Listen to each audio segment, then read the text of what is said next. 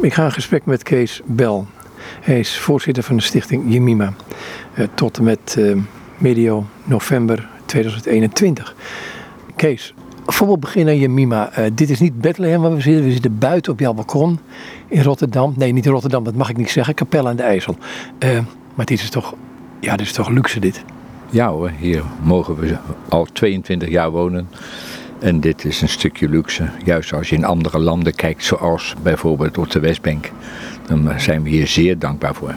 Wat doe, wat doe je hier verder in uh, deze plek? Want je bent met pensioen inmiddels. Ja, ik ben in, uh, met pensioen, maar aan de andere kant zijn er nogal wat activiteiten waar je toch uh, nog mag inzetten. En dat is kerkelijk vooral. En dan dus ook voor de stichting Jemima. En kerkelijk bedoel ik dus de kerkelijke gemeente, kerkeraadswerk, het verenigingsseizoen wat er aankomt. En ook uh, het scribaat, maar ook in de evangelisatie mag werkzaam zijn. Dus zo mag je toch je tijd nog benutten. Ja, je bent met pensioen, zoals het zo mooi heet. Ik hoor wel eens dit gezegd, dat sommige mensen zeggen... Um, ik heb het idee dat ik met name pensioen drukker heb gekregen dan daarvoor. Ja, de dagen vullen zich wel, maar je merkt wel dat de echte hele hoge werkdruk vaak eraf is. Mm. En dat scheelt wel. En ik zeg altijd maar, van werken word je niet snel moe, maar wel van de spanning die er wel eens bij kan komen. Ja, en hoe mag je dan daar ook in het leven staan? Dat vind ik wel van belang. En dan weet je ook dat wij het niet altijd zo uh, hoeven te doen. En dan is het meer, dan mogen we het doen. En dan is het ook niet een vorm van zelfbedoelen. En dat is heel belangrijk, want anders zou er soms zelfs onderdoor kunnen gaan. Ja, je hebt in een managementfunctie gezeten. Hoe ging je met die spanning om? Nou, daar heb ik het inderdaad altijd wel wat geleerd. Hè. Je, je gaat dan met heel veel mensen om. En je probeert toch de mensen allemaal één bepaalde kant op te laten kijken. En ja, dan moet je daarop letten. Hoe reageren de mensen daarop? En kan je dit zelf ook aan, die spanning? En dan merk je wel, naarmate je dat wat langer mag doen en dat je daar toch heel duidelijk ja, ook in mag leren en ook wel in mag groeien. En dan ga je zelf als het ware toch steeds meer naar de achtergrond en laat je het andere mensen doen. En dat is eigenlijk het managen. Managen is niet een kwestie van de baas zijn, maar laat de anderen het maar doen op een goede wijze. Is dat ook, zoals je nu voorzitter van het bestuur van um, Stichting Jamima bent, werk je op dezelfde wijze daar? Ja, dat probeer ik zeer zeker ook. Hè. Nou hebben wij wel de heel bijzondere omstandigheden. We hebben hier geen kantoor met administratieve krachten enzovoort. Dus wij zijn eigenlijk een werkbestuur. En daarbij hebben we een aantal mensen die al met eh, pensioen zijn, maar je hebt ook nog mensen die nog een volledige baan hebben.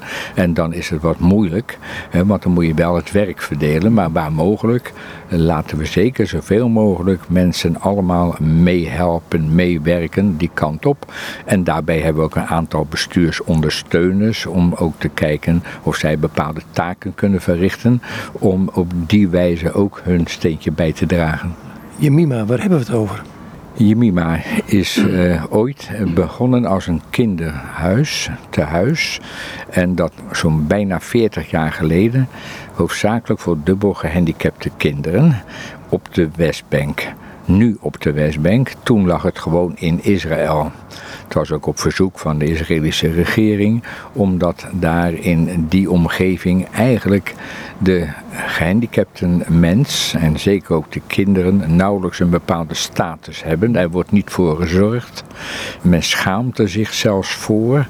En dat betekent dat bij geboorte worden zulke kinderen wat weggemoffeld. Want leg het maar eens uit, als dit als een straf gezien wordt door je omgeving, en, en dat betekent buren, familie. En als er dan zo'n kind geboren wordt, ja, als jij straf krijgt, dan heb je zeker wat gedaan. En dat is ja, zo diep ingeworteld daar. En bijbels weten we het ook. Hè? Die vraag die daar klonk, heeft deze gezondigd of zijn ouders? Hè? En ik weet het, het, het, is ook heel vaak de islam die die vraag stelt, maar je ziet er ook bij andere mensen dat toch wel wat ingeworteld is. En dat is daar in die omgeving vrij sterk. En daarom was er ook dringend behoefte aan hulp voor deze ja, toen kinderen, want het is echt als een kindertehuis begonnen, vaak ook kinderen met een lage levensverwachting. En die dan toch door goede zorg wel een heel stukje ouder mochten worden. Uh, zijn er wel uiteraard ook overleden, maar toch zijn er ook bij die nu een jaar of 40, 42 zelfs zijn, waarvan de levensverwachting laag was en die wij nu toch ook mogen verzorgen. En daarvoor zei ik al, het is als een kindertehuis begonnen, maar het is best moeilijk, want uh, inmiddels zitten we ook met mensen van middelbare leeftijd die we ook nog wel mogen verzorgen. Het is een voorrecht dat dat mag gebeuren, dat is heel duidelijk, maar we spreken dus nu meer over onze bewoners en de kinderen van Jemima. Hoe is jullie werk ingedeeld daar? Wij uh, hebben uh, twee gebouwen. En in het ene gebouw uh, hebben wij de bewoners die bij ons 24 uur en, en, dat zeven maanden in de week zijn, die daar dus wonen omdat ze of helemaal geen thuissituatie hebben, of het niet thuis kunnen zijn omdat hun ouders er niet zijn, niet in staat zijn om ze te verzorgen of niet willen. En op die manier hebben wij zo'n twintig van deze bewoners die wij constant verzorgen. Dan hebben we het andere gebouw en dat is voor de dagactiviteiten. Dat ziet er ook wat meer schools uit met lokaaltjes. Daar hebben we ook ons ander personeel voor.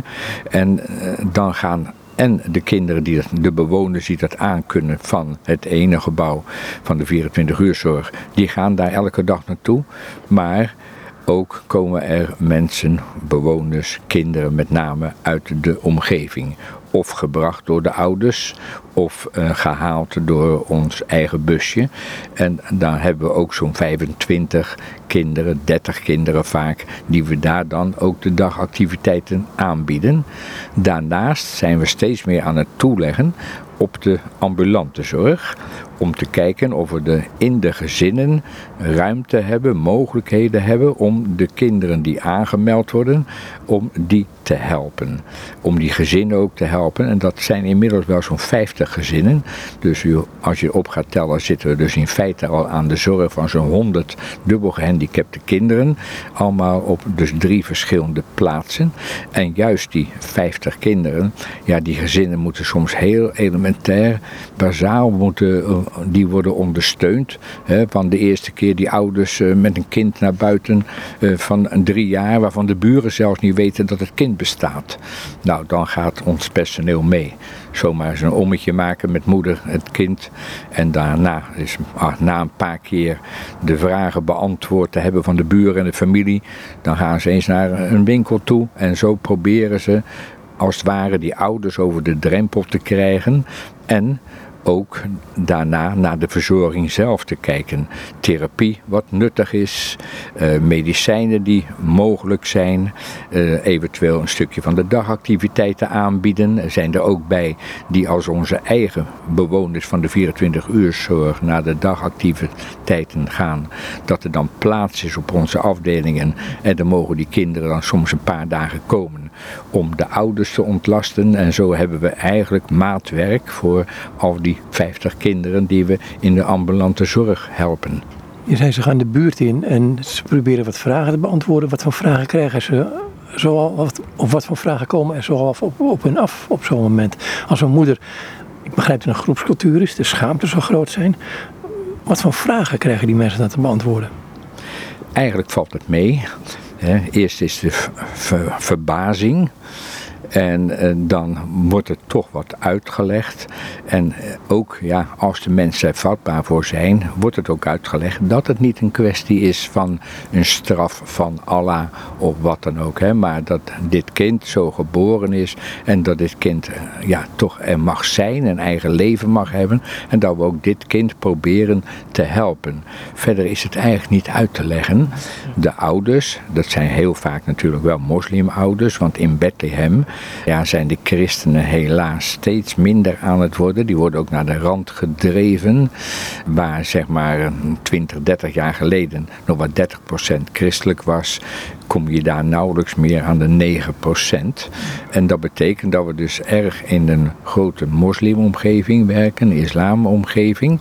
Want de christelijke ouders die er zijn, die ook wel gehandicapte kinderen hebben, die staan er toch anders tegenover. Die vangen die eigen kinderen veel beter op. Daar hoeven wij ook vaak niet te ondersteunen. Maar ook deze kinderen mogen er zijn. En de ouders weten heel goed, we zijn een christelijke instelling, weten heel goed dat ze de steun krijgen, of thuis, of dat hun kind gaat naar een christelijke omgeving. En ja, er zullen er mogelijk zijn die dat niet willen, maar ja, die komen voor ons niet in beeld. Maar de ouders die hier wel positief achter staan, soms zijn ze radeloos omdat ze niet weten hoe ze anders met hun kind moeten omgaan.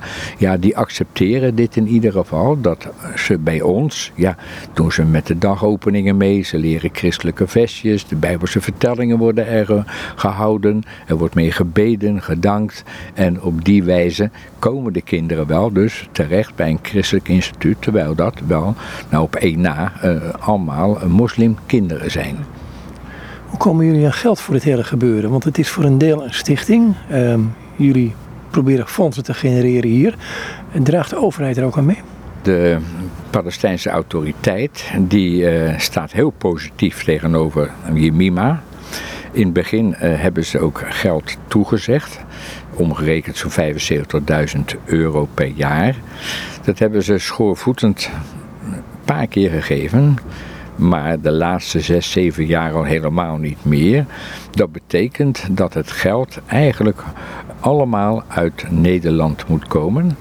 Een enkele keer eh, krijgen we ook wat eh, giften uit Amerika, maar dan houdt het al heel snel op. Dus je kunt wel zeggen, de zes ton die we nu elk jaar toch eh, moeten hebben. Ja, dat wordt hoofdzakelijk uit christelijk Nederland bij elkaar gehaald. En dat zijn collecten, dat zijn giften en dat zijn acties. Dat is soms een nalatenschap. En op die manier is het elk jaar weer, ook met diverse acties, met name veel inspanning vraagt dat om dus toch dat bedrag elk jaar weer bij elkaar te krijgen. Maar het is ook nodig, want we hebben daar 42 personeelsleden. En we hebben het onderhoud van de gebouwen, we hebben de middelen daar, de, de lesmiddelen hebben we nodig.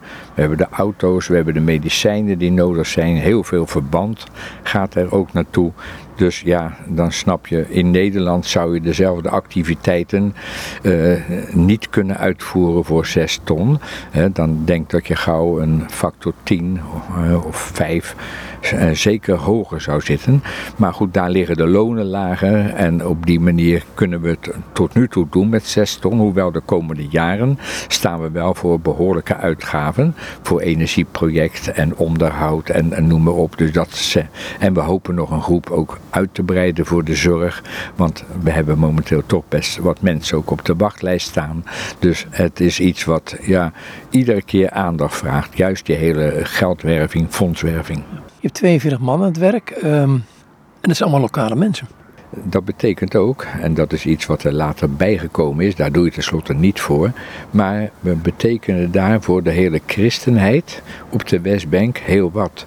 We zijn uh, waarschijnlijk het grootste uh, werkgelegenheidsproject voor de christenen op de Westbank. Want voor deze mensen wordt het steeds moeilijker om werk te vinden. En dat komt omdat zij naar de rand van de samenleving worden geschoven. Ze hoeven zelfs niet meer te solliciteren naar overheidsfuncties, want ze worden zelfs niet meer opgeroepen omdat ze geen moslim zijn. Dus de armoede wordt dan groot en op de duur zie je dat ook gezinnen gaan verhuizen.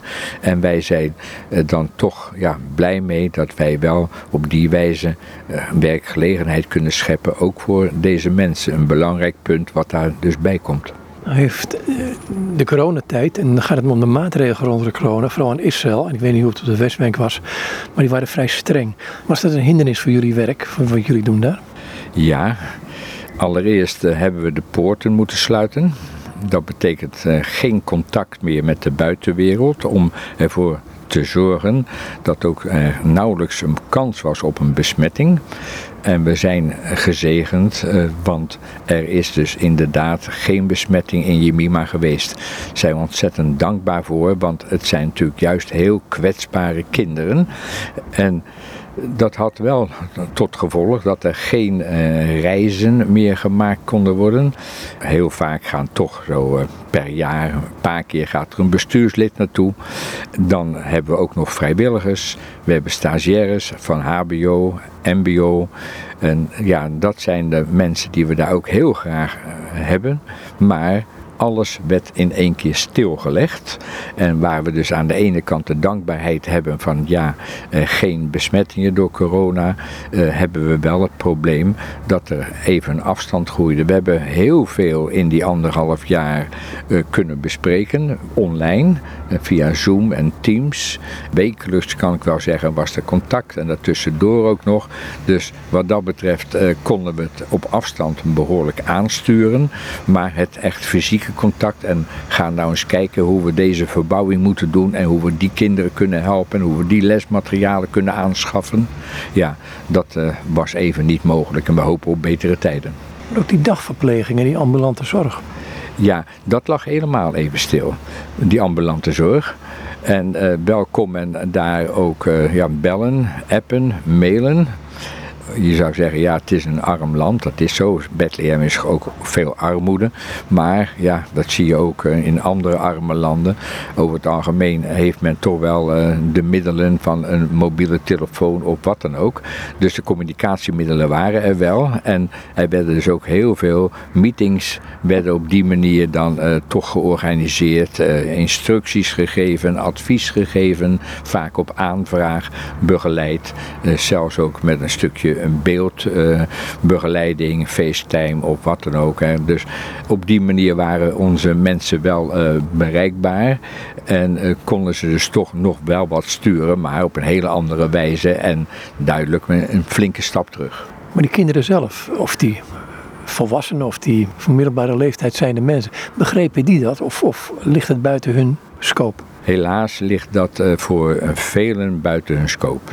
En een enkeling had het door, maar kon het niet goed op een rijtje zetten waarom dit niet mocht en dat niet mocht. Als ik denk aan uh, Rasja die bijvoorbeeld elke week pianoles krijgt of neemt in Jeruzalem, daar naartoe gaat. Zij is blind, maar ze speelt fantastisch piano, heeft daar nog steeds les. En dat valt in één keer stil. En waar ze normaal dus met de bus en begeleiding daar naartoe gaat, ja, dan is dat weg. Nou vat zij dat nog wel, maar naarmate het langer gaat duren, wordt dat steeds moeilijker te verwerken. Maar zij heeft het nog wel op een rijtje lang niet allemaal. Er zijn er echt bij die het niet begrijpen waarom het zo stil geworden is, waarom die en die niet meer langskomt, waarom zelfs uh, ouders of familieleden niet even langs mogen komen. Dus dat maakt het wel heel moeilijk. Hoe ga je daarmee om? We hebben daar een uh, ja, hele fijne en goede locatiemanager, Lana Soerbi. En die uh, heeft heel veel geprobeerd waar nood was te helpen. De mensen moed ingesproken, uh, ondersteund, uh, online vaak, maar toch op die manier wat wij fysiek niet konden doen, heeft zij geprobeerd uh, wel te doen. En ik ben ervan overtuigd dat dat ja, toch ook wel gezegend is. We, we merkten dat de mensen die verder thuis moesten blijven, toch op die manier nog wisten, ja, we mogen er zijn, we horen er nog bij. Jemima is er nog, het mag verder goed gaan in Jemima, die dankbaarheid ook overheerst. Maar het was natuurlijk ook zo, in het hele land op de Westbank, en zeker ook in Bethlehem, was corona natuurlijk ook een begrip. Dus iedereen wist van de moeilijke omstandigheden.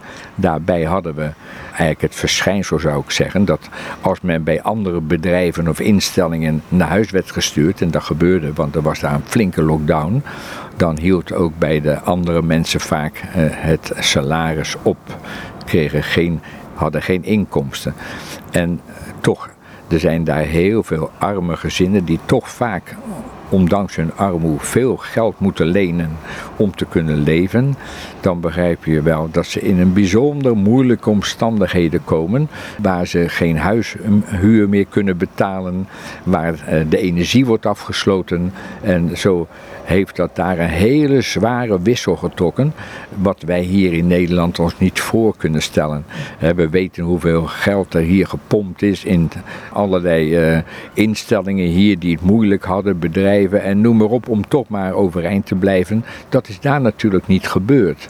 Dus dat betekent dat er heel veel armoede kwam onder de hele bevolking. En dan was de vraag, wat doe je dan met het personeel van Jemima? Moet je dat personeel van je MIMA dan ook helemaal op nul zetten, zodat je straks als je weer door mag gaan, straks dat personeel ook niet meer hebt, uh, gevlucht is, uh, verhuisd is, uh, totaal wat anders is gaan doen of niet meer leeft. Wij hebben toen voor gekozen om wel een salarisverlaging aan te brengen, maar toch mochten ze dan 80% van het salaris ontvangen. En daar tegenover deden we dus wel ook een beroep op ze om dus online het een en ander ook te regelen. Dat gaf bij het personeel met name ook veel dankbaarheid, want ze begrepen dat ze hiermee toch echt geholpen waren. Maar het was ook voor Jemima een klein stukje, ja, eigenlijk regeren is vooruitzien. Dat hadden we hier ook. Want het personeel, nu we weer open zijn, de dagbesteding, staat het personeel er inderdaad ook weer zoals we dat hadden voor die tijd. En ja, dat vervult eigenlijk ook onze harten met de verwondering en dankbaarheid dat dit toch weer mag. Is er zoiets geweest als van uh, waarom zoveel aandacht besteden aan deze kinderen die in wezen niets kunnen, die in wezen IQ misschien minder zijn, fysiek niet helemaal uh, uh, zijn wat je hoort te zijn.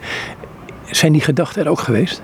Die zullen er ongetwijfeld geweest zijn, uh, niet bij ons als bestuur. Ja, dit begrijp ik, maar het gaat meer om de omgeving. Want dan zie je in Nederland dat kinderen die in zo'n, uh, in bij je mima zitten, het eigenlijk best wel goed hebben dan, in zo'n lockdown. Maar daarbuiten? Ja, wij hebben natuurlijk ook in deze tijd minder contacten, dus we hebben zelfs geen mensen kunnen spreken daarover. We kunnen het ons wel voorstellen. Onze visie is heel duidelijk, een bijbelse visie daarop. Het, zijn ook mensen, ja, allemaal geboren ook met een ziel, ook voor de eeuwigheid. En als wij ze als mens soms niet kunnen bereiken met het evangelie, zijn we toch van overtuigd dat de Heer dat wel kan doen. En dat de Heer, ja, zonder dat Hij ons zelfs maar nodig heeft, toch ook deze mensen in het hart kan grijpen en in het hart zou willen wonen. En ja, dat is toch voor ons een heel belangrijke drijfveer om toch voor deze mensen als schepselen gods te blijven zorgen. En we weten dat daar uh, wel eens ja, anders tegen aangekeken wordt. En dat ja, is hier in Nederland en dat is ook op de Westbank zo. Kun je misschien een paar van die kinderen een gezicht geven? Oh nee, laat ik eens een andere vraag stellen. Um, het was een Nederlands echtpaar wat dit begonnen is, dit werk. Op een gegeven moment zijn jullie overgegaan op mensen vanuit de bevolking zelf, om daar de leiding te laten geven. Het echtpaar Ed en Helene Voorbeer, die hebben dit huis mogen stichten. Dat begon heel klein, door wat van die kinderen in huis te nemen. Zo zijn er nu nog vijf jonge mensen uh, die wel Palestijn zijn, maar toch ook Nederlands spreken. vijf jonge mensen, maar dit was, ze zijn het begonnen in het begin 90 jaren, begrijp ik hè? De jonge mensen, ja, inmiddels bijna van, eh, van uh, middelbare leeftijd. dat is zo. En dan heb ik het over zo'n 33 tot uh, zo'n 40, 42 jaar. Zijn er zo'n vijf die dus ook Nederlands spreken. Maar het werk dat breidde uit. Eerst werd er een, een huis op de berg gebruikt en dat was ook weer te klein. En toen moest er een gebouw gekocht worden en dat is aangeschaft. Er moesten meer komen. Toen is er een actie geweest hier van EO met de daad en daar is veel geld opgehaald. Waardoor er een uh, ander nieuw gebouw neergezet kon worden. Gebouw Helena, genoemd naar de vrouw die overleden is van de oprichter. En op die manier hebben we daar nu die twee gebouwen. Maar wat je dus gaat zien, dat daar eigenlijk uh, in die tijd nog heel veel vrijwilligers waren. Alleen het werd moeilijker. Hoe krijg je daar voldoende mensen uit Nederland, waar iedere keer of in die tijd een werkvergunning moest worden aangevraagd, die maximaal een jaar was en spanning enzovoort. En toen is dus men ook aan lokale werkers gaan denken. En dat is toch wel, maar het ene kan natuurlijk veel meer geld kosten. Dat was duidelijk. Daar werd wel eens bij geaarzeld. Zou dat een goede wending zijn? Achteraf is dat wel goed geweest, want wat zien we? Het uh, visumbeleid van de Israëlische regering is zodanig streng en strak geworden dat er nauwelijks meer iemand doorheen kan. Geen werkvergunning kan krijgen. Voor, voor ook voor je Mima niet? Nee, voor je Mima niet, maar zeker dus alles wat op de Westbank is. Dus dat betekent, en daar heb ik het over twee, drie jaar terug, zijn er honderden mensen uit het buitenland van de hele Westbank naar huis gestuurd om vanwege het veel strakkere visumbeleid. Dat had ook zijn gevolgen voor ons. Want ik noem maar wat, een HBO-stage is uh, heel graag uh, vijf maanden. Hogeschool Ede uh, hadden we dan steeds mensen, vijf maanden. Maar dat ehm, gaat nu alleen maar op een toeristenvisum van drie maanden. Nou, dan is een school daar lang niet altijd blij mee als dat nog gebeurt. Dus op die manier hebben we heel duidelijk in moeten leveren aan stagiaires. Maar ook voor vrijwilligers is dat een probleem. Want als je dus bij de douane gaat zeggen: Ik kom hier om te helpen, is het al mis. Maar je mag daar helemaal niet werken. Dan krijg je daar geen vergunning voor. Dus je moet echt van het land houden als toerist daar eh, ook willen vertoeven. En ondertussen ga je ook nog wat doen daar in Jemima. Dat is momenteel eigenlijk de strategie. Betekent dus dat als wij nu nog uitsluitend op vrijwilligers zouden moeten draaien, had Jemima al geen bestaansrecht meer. En daarom zijn we blij met die 42 werkers die we daar hebben, de lokale werkers. Daar zit wel gelijk een stukje zorg achter. Ik zei al, de uh, christenheid daar wordt sterk verminderd. Dus de vijver waar wij ons personeel uit kunnen vissen, wordt steeds kleiner. In Nederland uh, heb je een vacature en dan zeg je, nou, wij zoeken uh, iemand met ervaring, we zoeken iemand met opleiding, we zoeken en, en dan ook de christelijke identiteit. Nou, als wij de christelijke identiteit hoog in het vaandel hebben staan, beginnen we daarmee. Maar de andere eisen moeten we steeds meer laten vallen van de mensen die opleiding hebben, de mensen die ervaring hebben. Want dat is er nauwelijks meer. Dus wij moeten zelf de mensen nu opleiden. Doen we ook met instructeurs uit Nederland. We zijn onder andere met het Hoornbeek College ook bezig om een heel goed opleidingsplan op te zetten. Dat ook mensen van het Hoornbeek College daar dus aan meehelpen, ook ter plekke. Dus op die manier proberen we toch onze mensen daar wel het juiste mee te geven. Dus we hebben nu eigenlijk nog maar twee heel eenvoudige wensen. De christelijke identiteit van het personeel en affiniteit met gehandicapte medemens. Dan die andere, waar ik eigenlijk mee begon, de vraag die ik eerst wilde stellen. Um, kun je wat van die kinderen, of van die mensen van middelbare leeftijd inmiddels, een gezicht geven? Laat ik maar beginnen met Rasja, een, een pianiste, blind opgegroeid. In eerste instantie dus in het gezin van Ed Voorbeer. Spreekt dus ook Nederlands, loopt ook moeilijk, heeft ook andere beperkingen kan zelfs dus Nederlands spreken, is dus een geweldige pianiste. Betekent ook dat ze zelfs van de Israëlische regering zo tegen de kerst vergunning krijgt om in Jeruzalem een hele eh, zangavond te begeleiden ook op de piano in een groot kerkgebouw waar dan ook altijd heel veel bezoekers komen en op die manier is Rasja een van de meest bekende want als er ook eens bezoek is ik heb daar wel meegemaakt dat er een groepje kwam van 15 zakenmensen. En dan naast de presentatie wat Jemima is, hebben we dan ook wat stukjes muzikaal ingebouwd als je dan ja, Rasja binnen ziet komen aan de arm van een van de personeelsleden, dan zie je bijna de mensen denken, wat moet dat worden?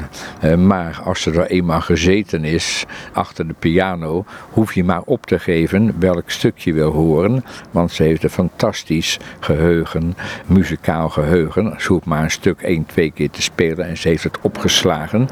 En dan zie je, ja, waar de heren soms het een wat inhoudt, het andere juist extra geeft. Dat merk je wel bij zo iemand wel. En dat is een van de oudere bewoners. Haar uh, tweelingzus is er ook nog, maar die is behalve blind ook doof. Daarmee dus heel moeilijk bereikbaar. Maar dat doofblinde hebben wij een paar keer.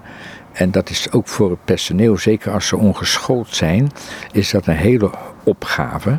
En daarvoor heb ik een uh, overeenkomst kunnen sluiten met Bartimeus. Bartimeus zijn natuurlijk zeer gespecialiseerd, niet alleen op blinden, maar ook alles wat uh, auditief problemen oplevert. En daar hebben we dus al verschillende keren ook instructeurs naartoe kunnen laten gaan om met name het personeel dus te instrueren hoe je toch met doofblinde mensen, kinderen om kunt gaan. En dat is vaak verrassend hoe ook dan het personeel dat over mag nemen. Daar zijn we echt uh, verwonderd over. Dat is zomaar een wat oudere tweeling. Als ik zomaar eens eventjes nu naar een klein kind ga, ik denk naar Serine, een derde meisje in een gezin, ging mis bij de geboorte. Uh, spastisch, ze hoort niks. Heel aardig uh, meisje, ziet er ontzettend lief uit. Maar de ouders zien helemaal geen kans om voor zo'n kindje te zorgen. Nou, en wij zijn best wel voorzichtig met het plaatsen in de 24 uur zorg. Want dat vraagt natuurlijk nogal wat. 24 uur iemand begeleiden. heb je gewoon drie personeelsleden op een dag nodig. En we maken wel groepjes van 5, 6. Maar het is toch een veel duurder dan alleen de dagactiviteiten. Maar zo'n meisje, Serine, hebben we dat nog zeker wel binnen ons huis opgenomen. Shadi, een jongetje, vorig jaar opgenomen met allerlei afwijkingen. En een hele lage levensverwachting van zo'n anderhalf jaar. En de ouders zagen dat helemaal niet zitten om zijn kindje als het ware naar het einde te brengen kindje mag bij ons zijn, eh, krijgen uitstekende verzorging. En nu is die levensverwachting, hebben ze heel flink moeten bijstellen. Niemand weet het precies. Maar het jongetje ontwikkelt zich. Hij heeft wel voortdurend zuurstof bij zich, want de longen zijn niet goed. Maar ontwikkelt zich eh, echt heel snel. Een vriendelijk jongetje waarvan je zegt, kijk dan mag je voor zo'n jongetje zorgen. Hè.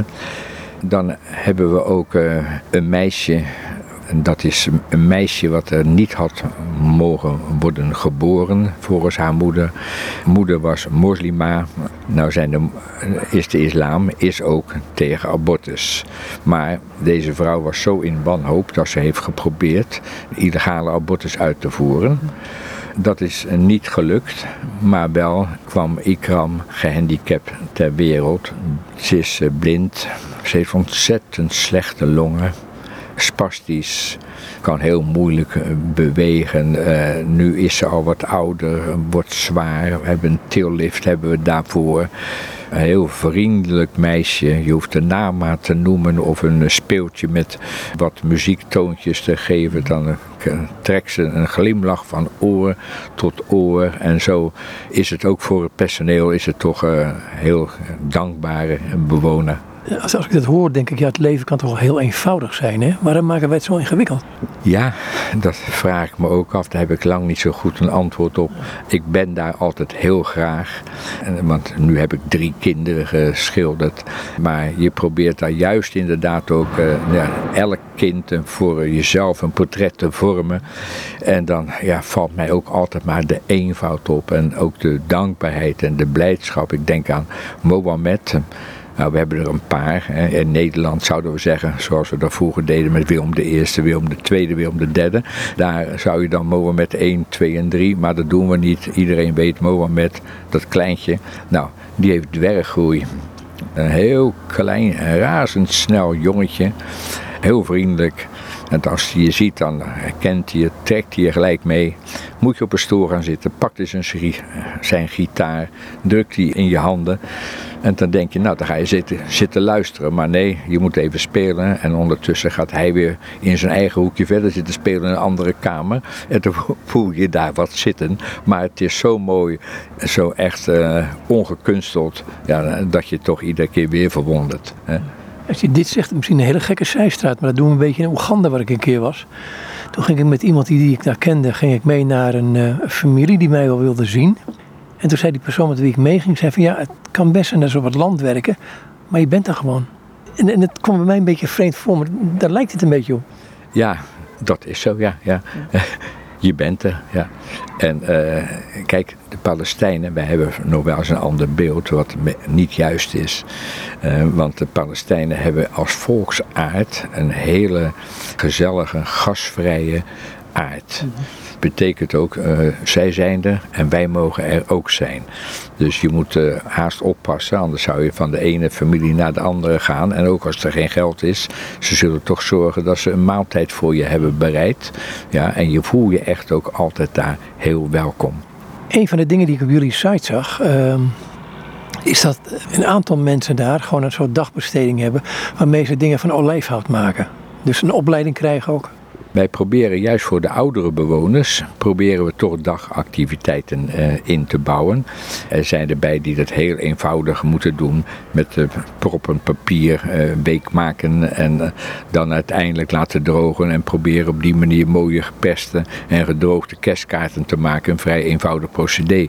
Als je iets meer aan kan, dan proberen we ook die opleiding te verzorgen en heel Bethlehem en ook uh, omgeving. Daar is heel veel olijfhout. En dan maakt men de prachtigste producten van olijfhout. Dat is in eerste instantie daar erg gericht op het toerisme. Maar moet niet vergeten dat Bethlehem als de geboortestad van Jezus jaarlijks gewoon heel veel toeristen trekt. Bussen vol zie je altijd. Ja, nu natuurlijk niet in die coronatijd, maar normaal drommen. Zomaar soms een paar duizend per dag na die geboortekerk. Daarna eh, langs de souvenirswinkels. En dan juist ook aardewerk, ook wel geschilderd aardewerk, heel mooi.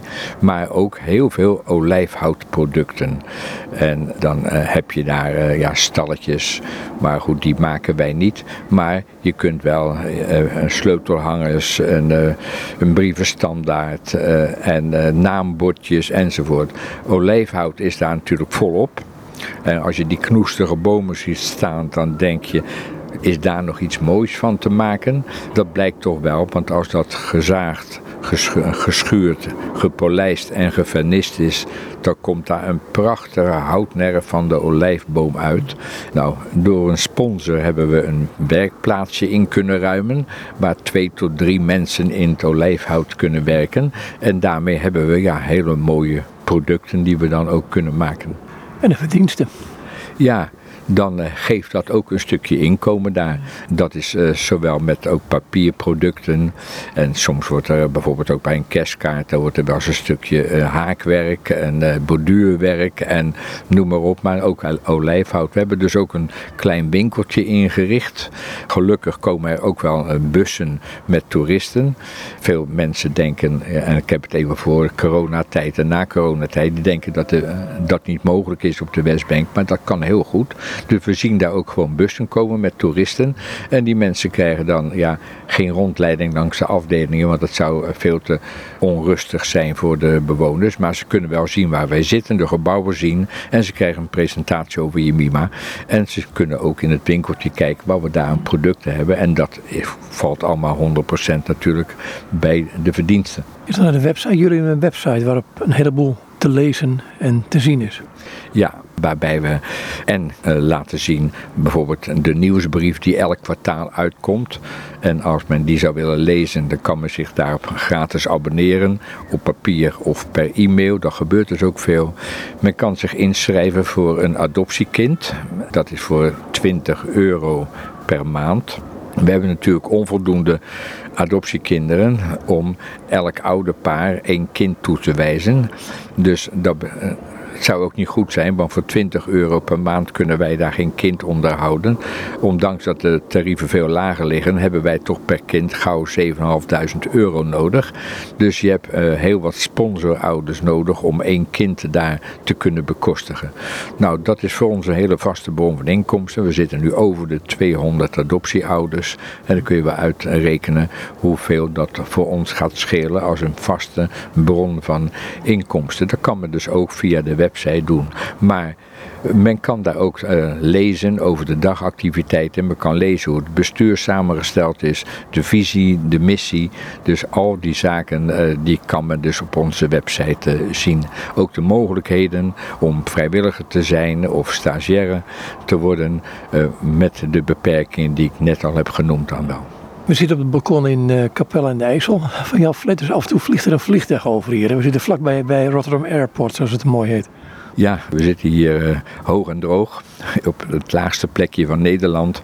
Maar dan zie je dat er toch altijd nog een vliegtuig nog wat hoger gaat dan wij hier zitten. Ja. Terug in die nieuwsbrief. Ik dacht dat jullie op dit moment iemand in Nederland hadden die bij het Radboud verzorgd werd. Dat is een van de meest bekende bewoners, kunnen we wel zeggen. Ook een van de bewoners van het begin, die dus ook goed Nederlands spreekt. En dat is David. David die uh, is geboren met een open buikje, is uh, daar een tijd, ja, in, net na de heeft hij er zorgelijk bijgelegen. Uiteindelijk is hij hier het Radboud ziekenhuis geholpen. Daarna veel onder controle geweest in Jeruzalem. Maar er waren pas weer problemen met blaasstenen en dergelijke. En omdat hij toch wat, ja, ik zou zeggen, anders in elkaar zit dan anders, is na overleg besloten om hem in het Radboud ziekenhuis te helpen. Nou, dat gaat op zich goed, maar het is allemaal wat hardnekkig. En momenteel ligt hij er zelfs nog in, hoewel ik denk dat hij vandaag, 21 september, dan wel uitkomt. Maar had weer een kuur voor antibiotica nodig, omdat het fout dreigde te gaan. Dus twee processen waren nu. Uh, door corona kon hij niet zo makkelijk reizen, ook niet teruggaan. En zijn uh, fysieke toestand uh, viel ook wat tegen. Is hij dus ook onder controle. Waarbij het dus wel de bedoeling is dat hij weer teruggaat naar Jemima. Want daar zijn we heel dankbaar voor. Hij heeft daar uh, ja, juist de opvang van Nederlandse toeristen is voor ons ontzettend belangrijk. Want als daar de toeristen komen, kan hij ze gewoon in het Nederlands aanspreken, de presentatie ook geven. En er zijn ook wel groepen die hem vragen als gids. Soms komen ze dan zelfs niet in Jemima, maar willen ze toch wel een gids hebben voor op de Westbank. En ook daar is eh, David eh, voor uh, beschikbaar. Daarbij is hij ook, ja, ik zou zeggen, managementassistent voor alle voorkomende werkzaamheden. En tevens ook gastheer voor onze herberg. Onze herberg is een gasthuis waar wij twaalf slaapplaatsen hebben. En daar timmeren we nooit zoveel mee aan de weg, maar wel sympathisanten, sponsors en donateurs vrienden, eh, oud-personeelsleden enzovoort, die kunnen zich daar inschrijven. En voor 22,50 kunnen ze daar een nacht, uh, inclusief ontbijt, dan ook verblijven. En hebben we daar dus 12 uh, plaatsen voor. Nou, we hopen dat het weer op gang gaat komen na corona. Maar ook dat heeft dan dus in feite David uh, ja, de zorg om dat allemaal in orde te houden, netjes te houden, mensen van de spullen te voorzien van het ontbijt. Dus hij heeft daar voor ons een heel belangrijke functie. Hij is aan de ene kant bewoner maar dat merk je niet zo in de omgang. En we zijn heel dankbaar als hij daar straks weer zijn werkzaamheden op mag pakken. Wat voor rol speelt gebed voor jullie? Gebed speelt eh, voor ons een hele grote rol, want zowel het bestuur, maar ook het personeel, en ook eh, de bewoners die het bevatten, die weten dat al dit werk alleen maar gedaan kan worden in afhankelijkheid van de heren. Leuk, dan ga je over gebed praten, komt er zo'n vliegtuig over hè? Ja, ja, ja, ja. Nou, zo, zo hoort een gebed ook op te stijgen. Hè? Dus, maar dat betekent ook dat uh, de dagopeningen uh, in de, uh, vooral de dagactiviteiten, die beginnen ook altijd met gebed en bijbellezing door het personeel. En daarna gaan ze naar hun eigen lokalen. En ook daar gaan ze op een heel eenvoudige manier, gaan ze ook met de kinderen nog de dag openen. En daar ja, neemt toch ook het gebed een hele grote plaats in. Hoe ben jij betrokken geraakt bij dit werk? Jemima heeft, en dan heb ik het over 10, 11 jaar terug, een moeilijke tijd gehad. Uh, er waren uh, te weinig inkomsten ten opzichte van de uitgaven was ook in de tijd waarin er veel personeel was aangesteld, mogelijk wat minder aandacht voor de inkomsten. En ja, dan gaat dat fout. En uiteindelijk uh, was uh, Jemima een jaar of elf geleden technisch uh, failliet. als je zelfs de pensioenen van personeelsleden, waar de werknemer uh, verantwoordelijk voor is om dat te sparen. Als die allemaal weg zijn, op zijn om rekeningen te betalen en je hebt nog een schoenendoos met nota's liggen en de inkomsten die zijn niet gestegen, dan heb je eigenlijk geen bestaansrecht meer. Toen is er een nieuw bestuur gevormd. En we, we willen niet zeggen trouwens hoor, van het oude bestuur, want die hebben echt ook hele mooie en goede dingen gedaan. Maar het ging op een bepaald moment gewoon niet meer. Is er een nieuw bestuur gevormd? Nou, dat uh, was best even uh, wat moeilijk, want daar kwamen mensen bij elkaar die uh, elkaar helemaal niet kenden, elkaar ook niet hadden uitgezocht als bestuursleden. Dus er was misschien in het begin even wat wringen. En dat bestuur was er al een halfjaartje, een jaartje. En toen ben ik gevraagd als interimvoorzitter omdat ze toen een voorzitter nodig hadden. Ik heb de laatste twintig jaar dat ik werkte, uh, ja, voor mijn pensioentijd moet ik eigenlijk zeggen, was ik uh, interim manager bij scholen en bij bedrijven. Dus ja, ik zag dit eigenlijk als een uh, interim klus, laat ik het zo maar even zeggen. Maar je mima's instelling, als je daarbij betrokken bent, dan word je daardoor gegrepen. Door de kinderen, door de bewoners, de mensen daar, de hulp die geboden mag worden, de wonderen die daar toch ook mogen gebeuren. Eh, waarvan een lage levensverwachting was of niet nooit zouden kunnen lopen. En dat je toch ziet dat ze met behulp van veel therapie en middelen toch mogen lopen en, noem maar op. Dan tref je dat eigenlijk in het hart. En dan. Uh, valt vanzelf het woord interim uh, weg. En ik heb veel interim uh, zaken gedaan, maar niet eerder was het woord interim weggevallen en nu wel. En op de duur was je dan voorzitter van het bestuur. En we hebben met elkaar een zware tijd gehad en toch met de behulp van de heren en zijn zegen, ja, mochten we er toch bovenop komen. En op dit moment, uh, ondanks corona, mogen we zeggen dat de inkomsten de uitgaven dekken. We hebben wel een paar flinke bezuinigingsoperaties moeten uitvoeren.